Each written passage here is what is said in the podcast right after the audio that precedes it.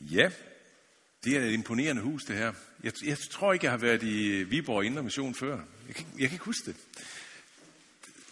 Nå, imponerende. nu øh, skal vi være sammen om det her emne, som, øh, som øh, mødelederen nævnte. Og det synes jeg er et godt og vigtigt emne. Det er jo et, øh, det er et Luther-citat, det ved jeg ikke, om I er klar over. Øh, vi frelses af troen alene, men troen er aldrig alene. Det skulle være noget, som Luther har sagt. Det er vældig godt sagt. Og det svarer til noget, som Paulus har sagt. Det skal vi komme ind på. Øh, jeg tror, vi skal bede igen. Gud og far i himlen, vi vil gerne bede om, at du vil fylde vores bære til overflod i aften. Vi beder om, at du vil salve vores hoved med olie, med den hellige ånds olie. Amen. Øh, der, der er også en undertekst, den nævnte øh, Lars ikke, men øh, der står sådan her, altså så en undertekst til aftens emne. Som lutherske siger vi, at frelsen kommer ved troen alene, på grund af det, Kristus har gjort. Men hvilken plads har de gode gerninger så? Hvorfor skal vi tjene Gud, hvis alt er blevet givet i troen og dåben? Bliver jeg en bedre kristen af at være en god tjener? Det er noget det, jeg skal prøve at, at, at sige noget om nu og svare lidt på. Og egentlig er det lidt utroligt, at det er kommet dertil, at vi kan stille sådan et spørgsmål overhovedet. Altså, hvilken plads har de gode gerninger så? Hvorfor skal vi tjene Gud, hvis alt er blevet givet i troen og dåben? Bliver jeg en bedre kristen af at være en god tjener? Det er lidt utroligt, at vi kan stille de spørgsmål der at man kan sætte det på et program, og det giver mening faktisk. Det er ikke en bebrejdelse, at det er sat på, for jeg har selv sagt ja til det, og tale om det, fordi det er nemlig relevant. Men det er faktisk utroligt, når man tænker på for eksempel Jesu bjergprædiken. Bare et ud af 100 eksempler, som jeg kunne tage frem fra det nye testamente. Jesu bjergprædiken for eksempel, ikke? som er en fuldstændig klar og stærk anvisning på, hvordan det kristne liv skal leves. Livet af landevejen, ikke? Du skal vende den anden kendt til. Du skal øh, tage øh, eller splinten ud af, nej, bjælken ud af dit eget øje først, før du tager splinten ud af, af din næstes øje, og du, øh, hvad står der mere i bjergprædiken? Der står for eksempel, øh, salige er de, som stifter fred, eller der står øh, for eksempel også, øh, at du skal ikke dømme andre, og der står øh, altså sådan nogle helt jævne, jordnære ting, som spiller en rolle hver eneste dag i vores liv negativt eller positivt. Ikke?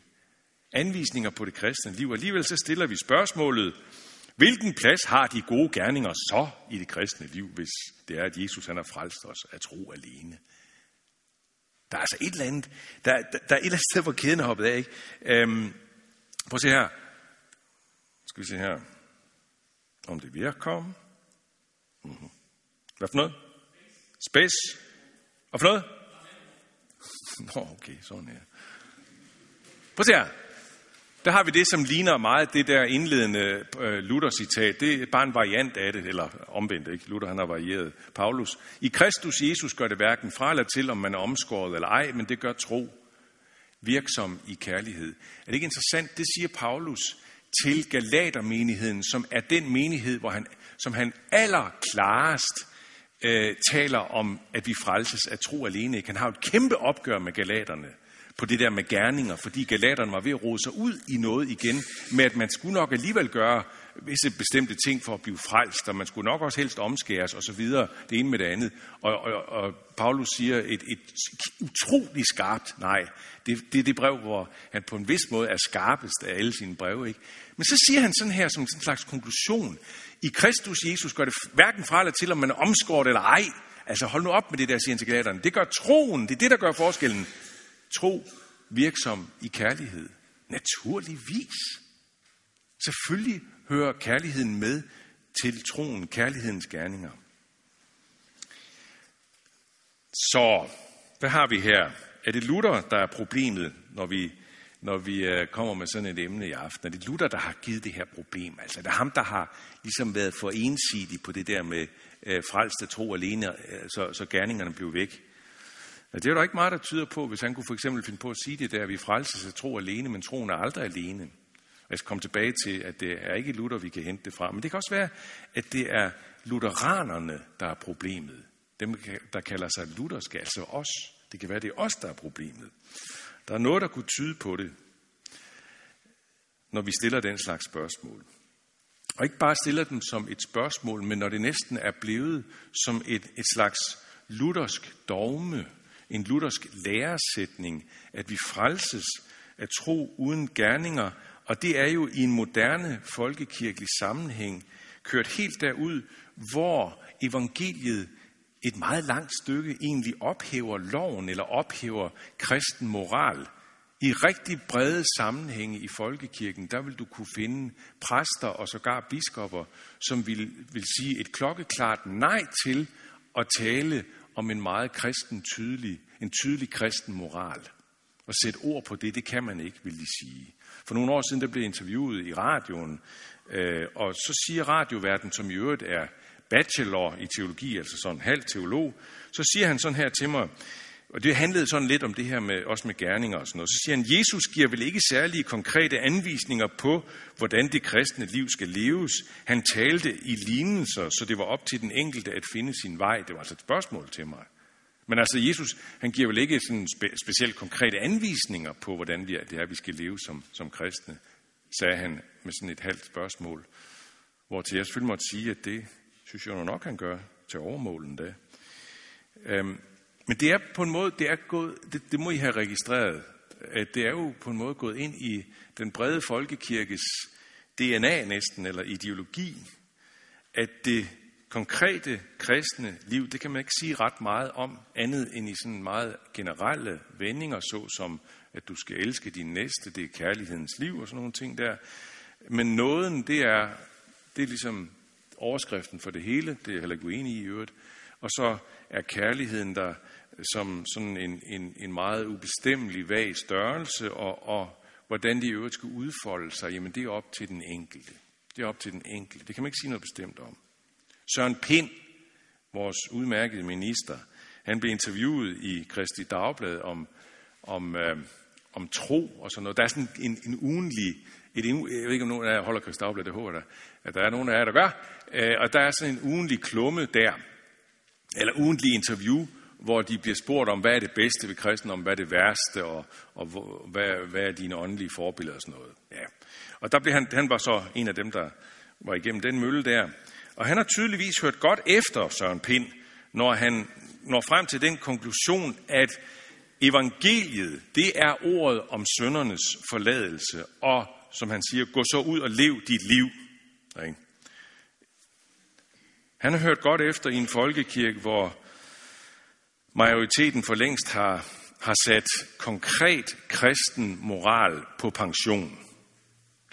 Så det er mere sådan syndernes forladelse og gå så ud og leve dit liv og stå til ansvar for det. Ikke? Det, er, det er det, man kan svinge sig op til at sige.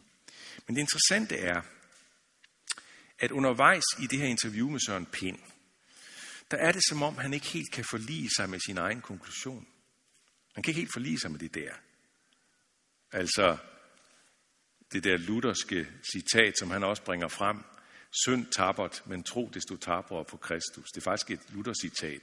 Det er et helt vidunderligt sted hos Luther, hvor der er en meget, meget stor, frimodig evangelisk holdning.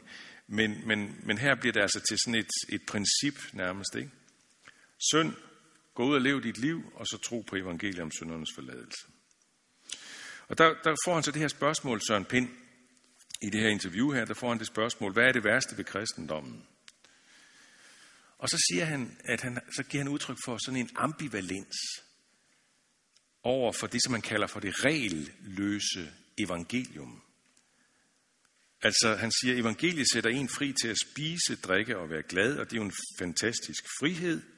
Men når mørket kommer, siger Søren Pind, når mørket kommer, så mangler der noget. Der mangler regler og anvisninger, siger han.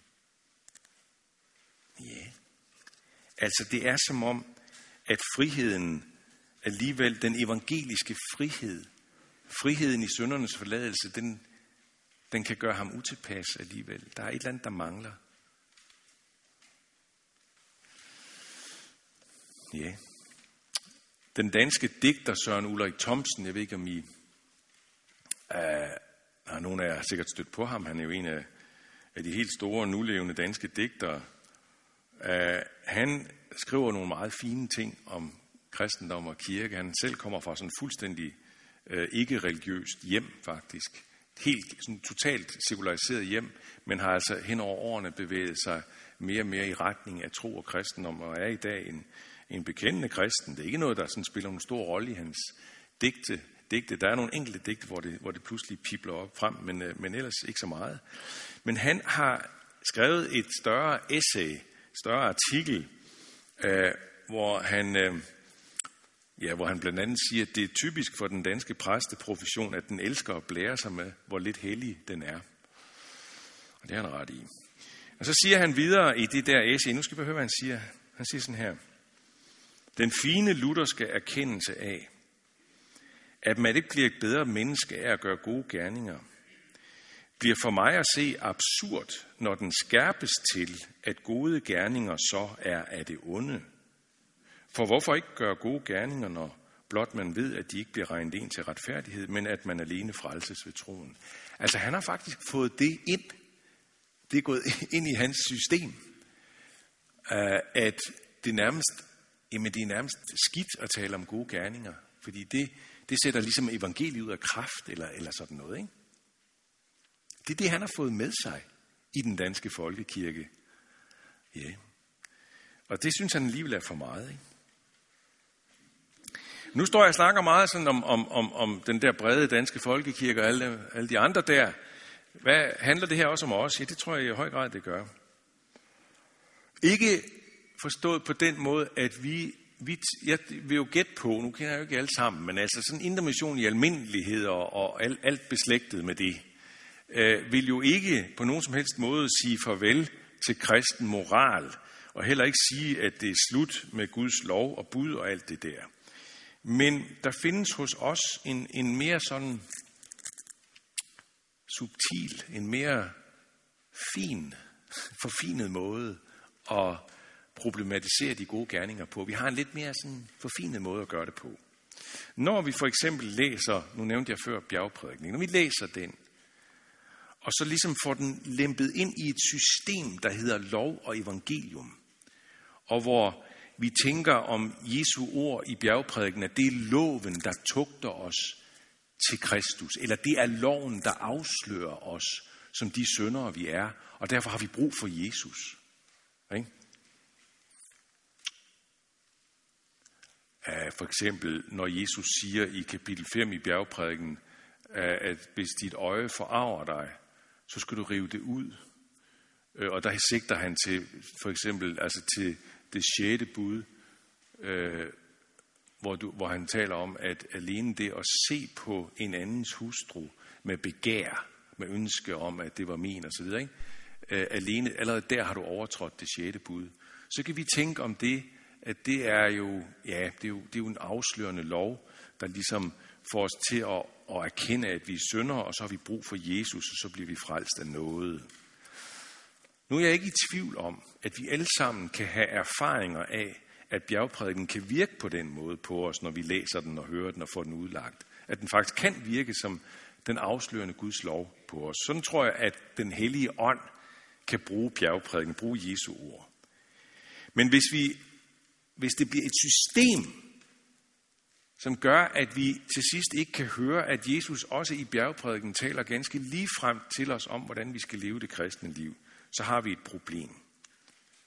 Hvis ikke vi forstår, at Jesus virkelig mente det, når han sagde, du skal først pille bjælken ud af dit eget øje. Der er rigtig meget humor i det udsagn i øvrigt. Pille bjælken ud af dit eget øje, før du begynder at pille splinten ud af dit medmenneskes øje.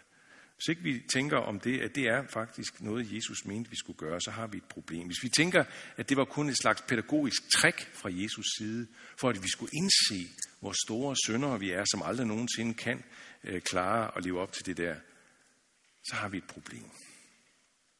Og så har vi det problem, som Søren Kierkegaard har gjort opmærksom på allerede. Så er vi helt tilbage i 1850, men tænk, allerede der var der, havde han en fornemmelse af, at der var det, som han, altså en slags evangelisk træklæsning, Man kunne trylle med evangeliet, så det var nemmere at forstå det nye testamente og tage det til sig.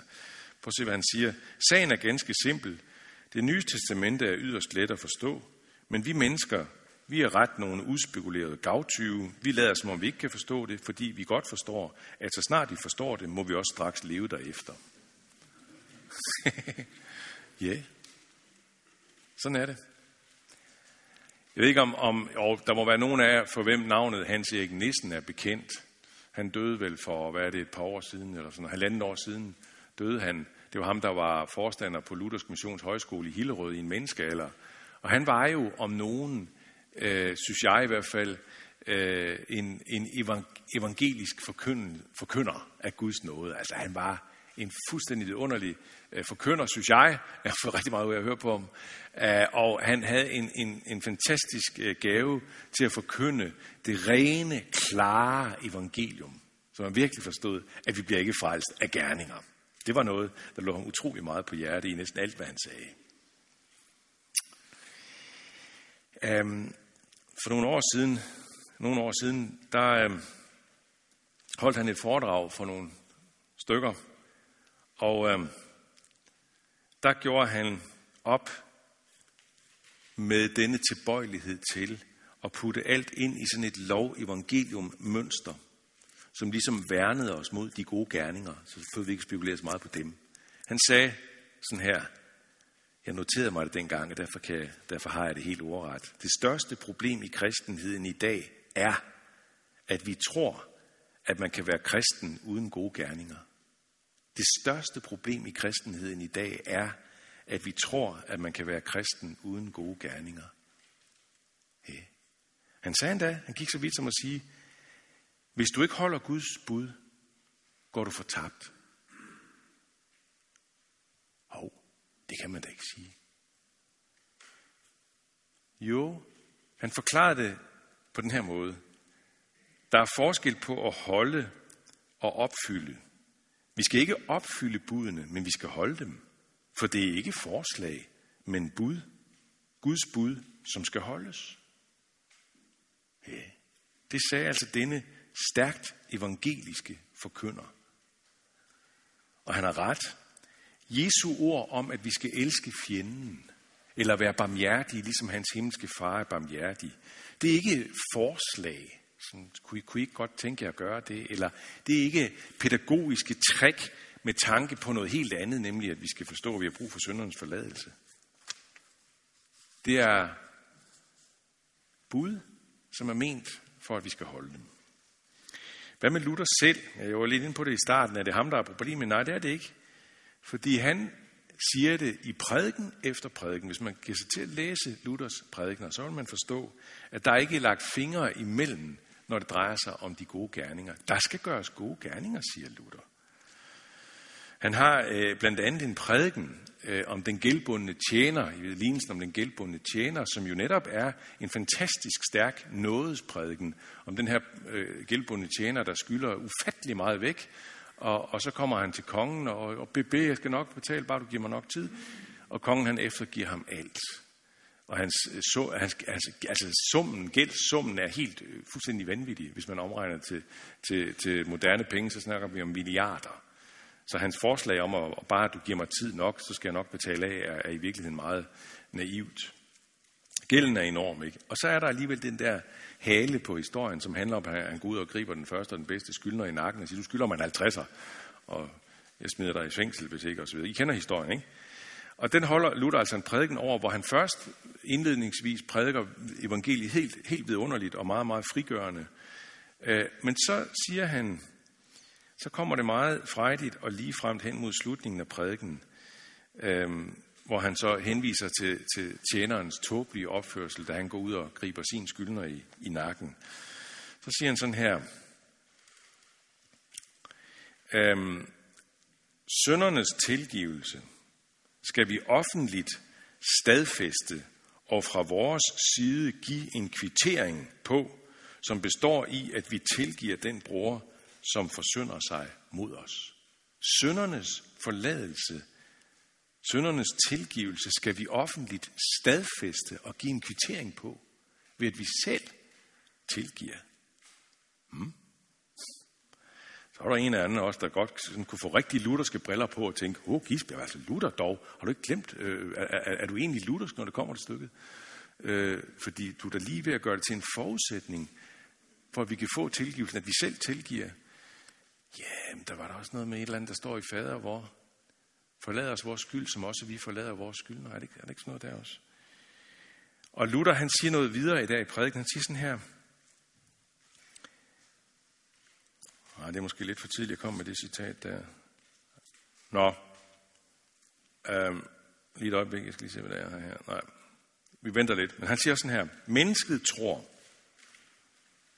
at evangeliet giver dem frihed til at gøre, hvad de har lyst til. Mennesker tror, at evangeliet giver dem frihed til at gøre, hvad de har lyst til. Ja. Yeah. Og Luther han siger i den her prædiken, at han vil ønske, at alle de evangeliske, som misbruger evangeliet, til at glemme det med de gode gerninger, og til bare at leve, som de vil. Han vil ønske, at de kom under pavens pisk igen, siger han i den prædiken der. Det, det synes han, de har fortjent. Under pavens herredømme. Der er en anden øh, prædiken, hvor Luther han øh, siger det på den her måde. Nu kan vi tage citatet. Derfor, hvis du ønsker at berede dig til den yderste dag, så tag fat. Hvis du ikke følger ham efter, altså Jesus, så kan du heller ikke undfly på dommens dag. Derfor vil der altid være nogen, der holder fast ved nåden og venter på dommen med glæde og god samvittighed. Og de er at finde blandt dem, der tror ret og øver gode gerninger. Ja, yeah. det er Luther, der siger det her ting. Så det hænger organisk sammen. Det er tro. Og så tro virksom i kærlighed. For nu at bruge Paulus. Det hænger organisk sammen.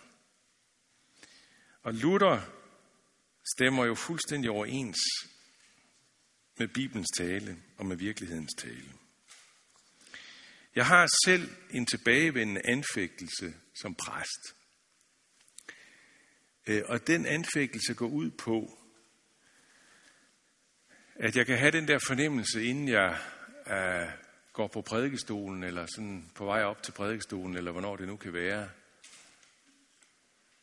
Den der fornemmelse, nu går jeg igen op på prædikestolen. Så siger jeg en masse velforberedte ord, udtrykker nogle velforberedte tanker, og, og hvis jeg er heldig, så lykkes det mig at få sagt tingene med en vis foruroligende effekt, sådan at alle føler, at vi tror på noget, som, som bestemt ikke er ligegyldigt, men som der er alvor i, ikke? der er kant. Og vi går ud af kirken igen med sådan en, en lidt stærk og god smag i munden. Vi har igen været berøring med noget sandt. Der er alvor i os. Ja. Men resten af ugen, så spiller det ikke nogen rolle. Det er ligesom to rum. Den følelse kan nogle gange, den anfægtelse kan have. Sådan to rum. Der er kirkens rum, det kan også være missionshusets rum, ikke? Der er vi inde her tirsdag aften, og vi synger lovsang, og vi beder. Der er ligesom alvor, ikke? Og vi hører måske en prædiken, der, der bevæger os lidt og rører os i hjertet på en eller anden måde, og tænker, det, det er en alvorlig sag at være kristen. Så går vi ud igen, og så bliver det onsdag morgen. Ja, yeah. så er der et andet rum. Der er det ligesom en helt anden virkelighed næsten, der, der fungerer der. Ordene forsvinder på en måde. Ordenes virkelighed forsvinder ligesom lidt ud af vores liv. Jeg ved ikke, om I kan genkende det her, men det er sådan en anfægtelse, I jævnligt har. Jeg kan huske, øh, for en del år siden, der læste jeg en bog af en svensk forfatter, der hedder Per Olof Enqvist. Måske nogen af jer har læst noget af ham. Han skrev en bog, der hedder Levis Rejse, som handler faktisk en, en meget sådan øh, historisk researchet historie om, om øh, den svenske pinse, øh, den store pinseleder Levi Petrus fra begyndelsen af, af 1900-tallet, som, som blev årsag til sådan en kæmpestor pinsevækkelse øh, i Sverige, eller det var sådan i 20'erne, 30'erne og 40'erne, at det slog igennem, og som gjorde, at pinsekirken i Sverige blev kæmpestor faktisk. Den blev helt op imod 100.000 medlemmer.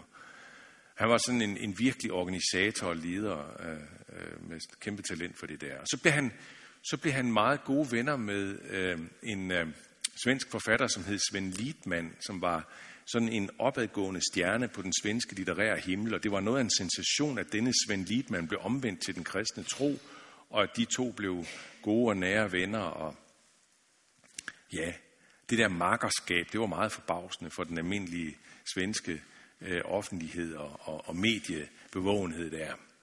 Men det skete altså. Men så kommer det faktisk med årene til et meget bittert opgør mellem de to. Levi Petrus og Svend Lidman. Vældig bittert opgør. Og det er så det, at Per Olof Enqvist har skrevet sin roman på, på det der, altså det forhold der, og så det bitre opgør. Og, og bogens jeg-stemme, altså fortællerstemmen, han hedder Efraim, han reflekterer på et tidspunkt over denne skilsmisse, der sker mellem Svend Lidman og Levi Petrus, og, og alt det ulykkelige, der fulgte af det. Og så siger han sådan her, og det var der, øh, da jeg læste det i bogen, så ramte det mig simpelthen som en hammer, sådan lige i nakken. Prøv at se her. Hvorfor hænger det ikke sammen længere? Hvad var det, vi gjorde? Hvorfor var afstanden mellem virkeligheden og sproget så stor? I sproget skete alt muligt, og uafbrudt ved Guds nåde, åndens indgydelse og gennem Jesu trøsterige nåde. Og da jeg læste det der, fik jeg sådan en meget stærk fornemmelse af på en måde at være afsløret, eller, eller være ramt lige på et meget ømt anfægtelsespunkt, som jeg prøvede også at beskrive før, når jeg går op på prædikestolen. Den der fornemmelse af afstanden mellem virkeligheden og sproget. Hvorfor var afstanden mellem virkeligheden og sproget så stort, spørger Efraim i bogen. Og det er det, som kan være en tilbagevendende anfægtelse. Dette, at i sproget, mens, mens det ligesom lever i kirkerummet eller i missionshusrummet, taleren står og taler, og vi synger osv. I sproget, der lever det, der har det ligesom sit eget liv og sin egen virkelighed. Men det er på en måde lidt ligesom, at det bare er, når det lyder i kirken eller i missionshuset, når ordene lyder der, og følelserne bliver sat i sving af det. Men udenfor, ja, bliver det lidt væk. Det interessante, tankevækkende er, at Luther havde samme anfægtelse. Han har skrevet nogle, han holdt i 1532 nogle prædikner over 1. Johannes brev, kapitel 4. Og øh, der beskriver han, hvordan den evangeliske fornyelse fik alverden til at komme styrtende med glæde og begejstringer og tage det til sig. Men så kommer anfægtelsen der i en af hans prædikner, hvor han siger sådan her. Men andet kommer der ikke ud af det. Og at det har været falsk, viser sig ved, at de ikke holder ud. Egensindige og stivnakkede falder de fra og danner kliker, splitter den rene lærer ad og den kristne kirke. Da er det slut med det hele. Der er hverken kærlighed eller tro eller Kristus tilbage, kun hylster og tomme skaller. Alle roser de sig i evangeliet. Men hvad ender det med? De bliver ikke i kærligheden. Det er stærk tobak, altså. Ikke? Det er Luther, det er virkelig, altså det er Luther, som, som blotter noget af sit inderste i en prædiken der, og giver udtryk for en anfægtelse. Ja. Og så i samme prædiken beskriver Luther meget konkret, med nogle konkrete eksempler, hvordan de evangeliske kristne blæser på næstekærligheden. Og så, og så konkluderer han sådan her, vil du være en kristen, må du blive i kærligheden på en ganske anden måde, så du gør mod din næste, hvad du vil, at han skal gøre mod dig. Sådan. Ikke? Så når spørgsmålet i overskriften lyder sådan her, bliver jeg en bedre kristen af at være en god tjener? Sådan var altså et underspørgsmål til, til aftens tema. Jamen så er så er svaret jo helt enkelt, at det handler overhovedet ikke om at blive en bedre kristen. Der er ikke nogen af os, der kan blive bedre kristne, end vi er i Kristus. Du kan ikke blive mere og bedre, end det du er i Kristus, for Kristus er alt.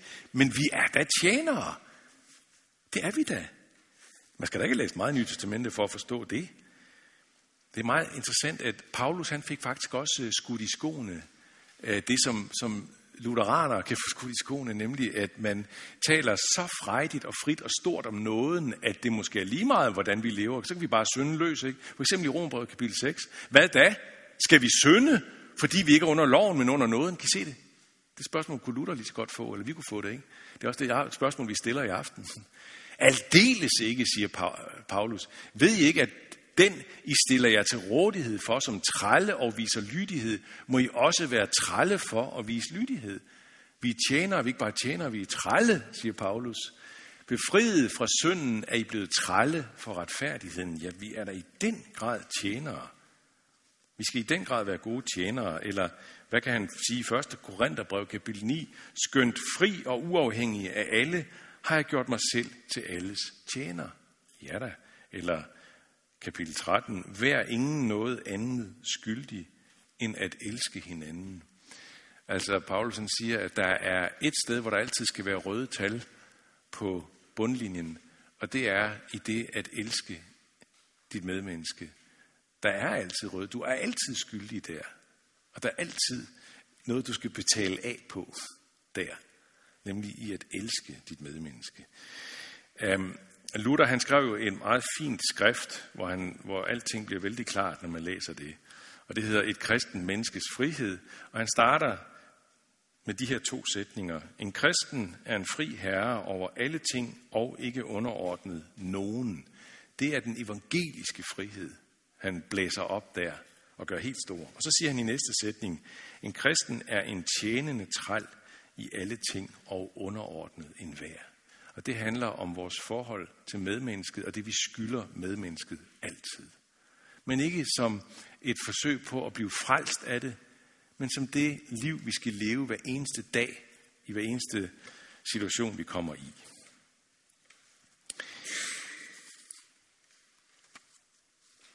Nu skal jeg lige kigge på klokken. Hvor lang tid er det? Jeg har egentlig ikke fået styr på, hvor lang tid jeg har brugt. Nå, det går nok på en eller anden måde. Jeg har lige lidt mere, jeg skal sige. Jesus han har jo en lignelse, øh, hvor han øh, meget, meget lige ud taler om brugen af vores betroede talenter og, og også ikke brugen, altså manglen på samme. Og det er jo den lignelse, som vi plejer at kalde for lignelsen om de betroede talenter. Der taler Jesus jo meget ligefremt om, at der er et liv, der skal leves, der er nogle gerninger, der skal gøres, der er nogle talenter, talenter der, der skal i, i spil. Og øh, der vil jeg godt pege på noget, som Luther gjorde en hel del ud af at tale om i sin tid, og som virkelig vendte op og ned på, hvad mange ellers forestillede sig om det at leve et sandt kristent liv. Folk på Luthers tid, de tænkte rigtig meget sådan, at hvis man skulle leve det bedst tænkelige kristne liv, altså det optimale kristne liv, det hellige liv, så skulle man egentlig helst blive præst, eller munk, eller nonne. Eller noget i den retning i hvert fald. Det ville være det bedste. Så man skulle være altså sådan en, der sådan full times gav sig hen i bøn og faste og gudstjeneste og særlig gode, kvalificerede kristelige gerninger. Sådan, sådan var tankegangen på Luthers tid. Luther selv var jo munk også, og gik jo også ind i det med den tanke, at han skulle tjene Gud på bedste måde. Men han når altså frem til noget helt andet med årene. Han siger, glem det. Du skal tjene Gud lige der, hvor du er, med den eller de talenter, du har fået i vuggegave, eller du har fået dem igennem livet. I det liv, som, i det, som livet har budt på af vilkår. Gennem din opdragelse, gennem skolegang og studier, eller uddannelse, eller hvad det er for noget. I kald og stand, som han sagde. Så kommer den ikke også. I kald og stand. Der skal du tjene Gud. Det er der, du allerbedst kan udfylde det, som Gud kalder dig til som kristen. De gode gerninger, han kalder dig til som kristen.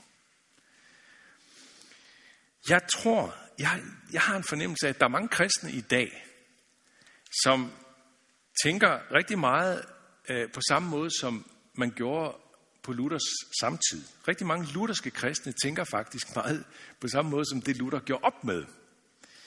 Nemlig, at, at der, hvor vi allermest udlever vores kristne kald, det er, når vi deltager i nogle særlige kristne aktiviteter. Altså Mm, for eksempel, når vi leder en børneklub ud fra missionshuset eller kirken, eller hvad det kan være, eller når vi går ind i bestyrelsesarbejde i Indre Mission, eller vi øh, giver den en skalle i kirkens kors her, genbrugsbutik, eller vi går ind i et menighedsråd, eller i, hvad, hvad som helst. Det er klubarbejde, alt muligt. Og i den sammenhæng, så, så, så tænker man sådan måske ubevidst, så tænker man, at, at der, der, det, er nok, det er nok sådan især præster og sovende med hjælp og missionærer og den slags, som alt i alt yder mest, øh, når det gælder denne, dette kristlige lev, levnede, ikke også? Hvis Luther han hørte på det, Så han kunne se, hvad vi tænkte om de her ting, så vil han jo vende sig i sin grav, eller han vil rejse sig op af sin grav, eller hvor han nu er, og så vil han råbe, stop det der sludder der. Selvfølgelig vil han sige, selvfølgelig skal I tage det på jer. Selvfølgelig skal I være teamklubledere. Selvfølgelig skal I være juniorklubledere. Selvfølgelig skal I gå ind i menighedsråd. Selvfølgelig skal I være med til at lave kaffe her til missionshusmøder. Selvfølgelig skal I dit og datten. Det skal I. Det er, det er helt nødvendigt. Men lad være med at tro, at det er det helt særlige, det mest gudvelbehagelige, det mest kristne, det mest afgørende. Det vigtigste at bruge jeres talenter til. Vel er det ej? I skal tjene Gud og mennesker hver dag i kald og stand, der hvor I er sat. Sådan vil Luther sige det. Det er jeres tjeneste, uanset. Plus også det, som I lægger på af ting, måske ud fra missionshuset. Kald og stand, det er dit liv her og nu. Det er det hele, siger Luther. Det er din stand som ægtefælle. Det er din stand som studerende, som bankfuldmægtig, som butiksassistent, som sosumedhjælper, som pensionist, som ugift, som far, som mor, som bedsteforældre, som moster, som lærer, som rørlægger og som invalidpensionist. Luther kunne sige et, en gang sådan her. Gud mælker selv køerne gennem en malkepige. Gud mælker selv køerne gennem en malkepige. Hvad mente han? Han mente, at Gud udfolder sin guddommelige omsorg for alle slags mennesker gennem det, vi gør hver dag fra morgen til aften. Malkepigen, hun udøver hendes kald i det, hun mælker konen, og derved igennem hende udfolder Gud noget af sin omsorg for os mennesker. Gennem vores helt almindelige arbejde, vores helt almindelige liv som venner, som naboer, som forældre, som politikere osv. Vi er nok tilbøjelige til at tænke, at Gud vel mest af alt, måske nærmest kun, er interesseret i en eneste ting. Nemlig at mennesker må komme til at tro på Jesus og blive frelst. Punktum finale. Amen. Og lige netop derfor ser vi så alle de særlige kristelige aktiviteter som de allervigtigste. De eneste virkelig vigtige, fordi de jo handler om at få mennesker til at tro på Jesus. Altså klubarbejde, missionsarbejde, kirker osv. Alt det der, ikke? Og ja, det skal jeg da lige lov for, at Gud virkelig er interesseret i, og interesseret er et utroligt svagt ord. Det er et utroligt svagt ord. Gud er lidenskabeligt optaget af, at mennesker må blive frelst ved at komme til tro på Jesus. Han brænder af lidenskab for det på en helt anden måde, end nogen af os gør. Og han vil også gerne have os, han vil gerne tænde noget af den brand i os. Og, og, og der kommer alt det ind, som vi gør for eksempel ud fra et missionshusarbejde. Ikke? Der skal prædikes, der skal undervises, der skal inviteres, der skal vidnes, der skal bedes, der skal synges, der skal samtales osv. Op og ned af døre og stolper, for at mennesker skal kunne lære Jesus at kende. Men Guds omsorg for mennesker drejer sig også om her og nu i denne tidsalder på denne faldende jord, som skal gå til en gang. I denne forvildede slægt i syndefaldets tid før dommedag, før døden. Gud lader ikke stå til med alt det, der ligger før døden og dommedag. Gud overgiver ikke alt det til tilfældighederne. Gud trækker ikke på skuldrene af 7-8 milliarder mennesker på den her jord. Ja, det får nu gå, som det gå kan, men altså, det drejer sig om evigheden, det drejer sig om dommedag, det drejer sig om, at de kommer til at tro på Jesus. Gud kalder os til at udfolde hans omsorg for mennesker nu. Så Derfor, i spil med dine talenter, dine evner, i det, som lige nu er dit liv, det, som lige nu er dit ansvar, dit kald, dit job. Ja. Yeah. Jeg håber, Der sidder en, en, jeg har forstået sådan, der sidder en ny mand øh, hernede i aften. Øh, sort hår, mørkt hår. Det er lidt frækt af mig at sige det. Kan blive pinligt berørt, men det kan han ikke forstå, hvad jeg siger. Men, men, men jeg håber jo ikke, at han går herfra i aften, uden at der er nogen, der inviterer ham på kaffe eller middagsmad. Det håber jeg ikke. Der skal udvises omsorg på et helt almindeligt, banalt hverdagsplan. Det er din hverdags gudtjeneste. Og den skal du gøre så godt du kan. Når du ekspederer kunden i kiosken, som du står i til daglig, eller hen ved bageren, hvor du står i, i butikken der, eller i brusen, så gør du en forskel for kunden den dag, når du gør det med smil og venlighed. Det er dit kald.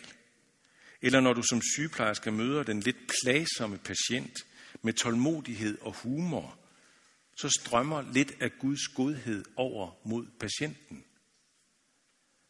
Eller når du som lærer i en skole tager fat i den vanskelige elev med opbydelsen af alt, hvad du har lært og kan om pædagogisk klogskab, så breder der sig en lille smule af Guds godhed til denne lidt irriterende elev.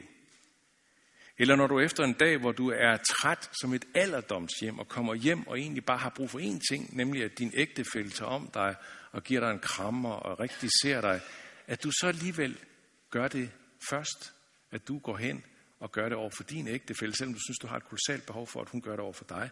Men du gør det over for hende først. Gå hen og spørg lidt til hende og Så, videre. så smager din ægtefælle lidt af Guds kærlighed. Du skal bruge dig selv med præcis det, som du er god til fra naturens hånd og fra alt det, du har lært af andre igennem hele livet. Brug det, sæt det i spil igen og igen. Og det betyder jo noget meget, meget dejligt, nemlig at der ikke er en herinde, der kan sige, at jamen, jeg har ikke rigtig noget at byde ind med. Der er ingen herinde, der er fri for talenter. Der er ingen herinde, der er fri for et kald. Alle har et kald, alle har talenter, alle har noget at bidrage med. Jeg kan jo slutte med at fortælle jer, at øh, en talent, hvad betyder det egentlig sådan rent teknisk? Ja, på, øh, på Jesu tid, der var en talent det samme som 20 kilo sølv eller guld. 20 kilo sølv eller guld. Vi har vi, der i lignelsen, ikke, så er der en, der får en, og en, der får to, og en, der får fem. Ikke? Og så man har altid tænkt, ah, jamen det er da lidt synd for ham, der fik kun en. Altså, det er da ikke helt fair. Altså, det ved jeg da ikke. 20 kilo sølv for eksempel, det svarede til på Jesu tid en årsløn for en almindelig arbejder, for 25 til 30 års løn for en arbejder. Det er ikke så ringe at få det sådan lige i et hug. En talent. Så hvis du siger, jeg har, jeg har ikke meget, jeg, jeg har højst en talent, ja, det var da ikke så let ved at sige, hold da op. Du er stærkt bemidlet, altså 20 kilo sølv. Det er nok til uendelig meget velsignelse, den ene talent, du har. Så se at få den i spil. Lad os bede. Gud og far i himlen, lad det ikke bare være ord, men gør det, som du gjorde, da du skabte alt. Du sagde, der blev lys, og så blev det lys. Og da ordet selv blev menneske, så blev der kød og blod ud af det, og handling og virkelighed og realiteter. På samme måde beder vi dig om, at de ord, der har lyttet her i aften, må slå ud i morgen i handling og liv. Det er vores bøn til dig. Amen.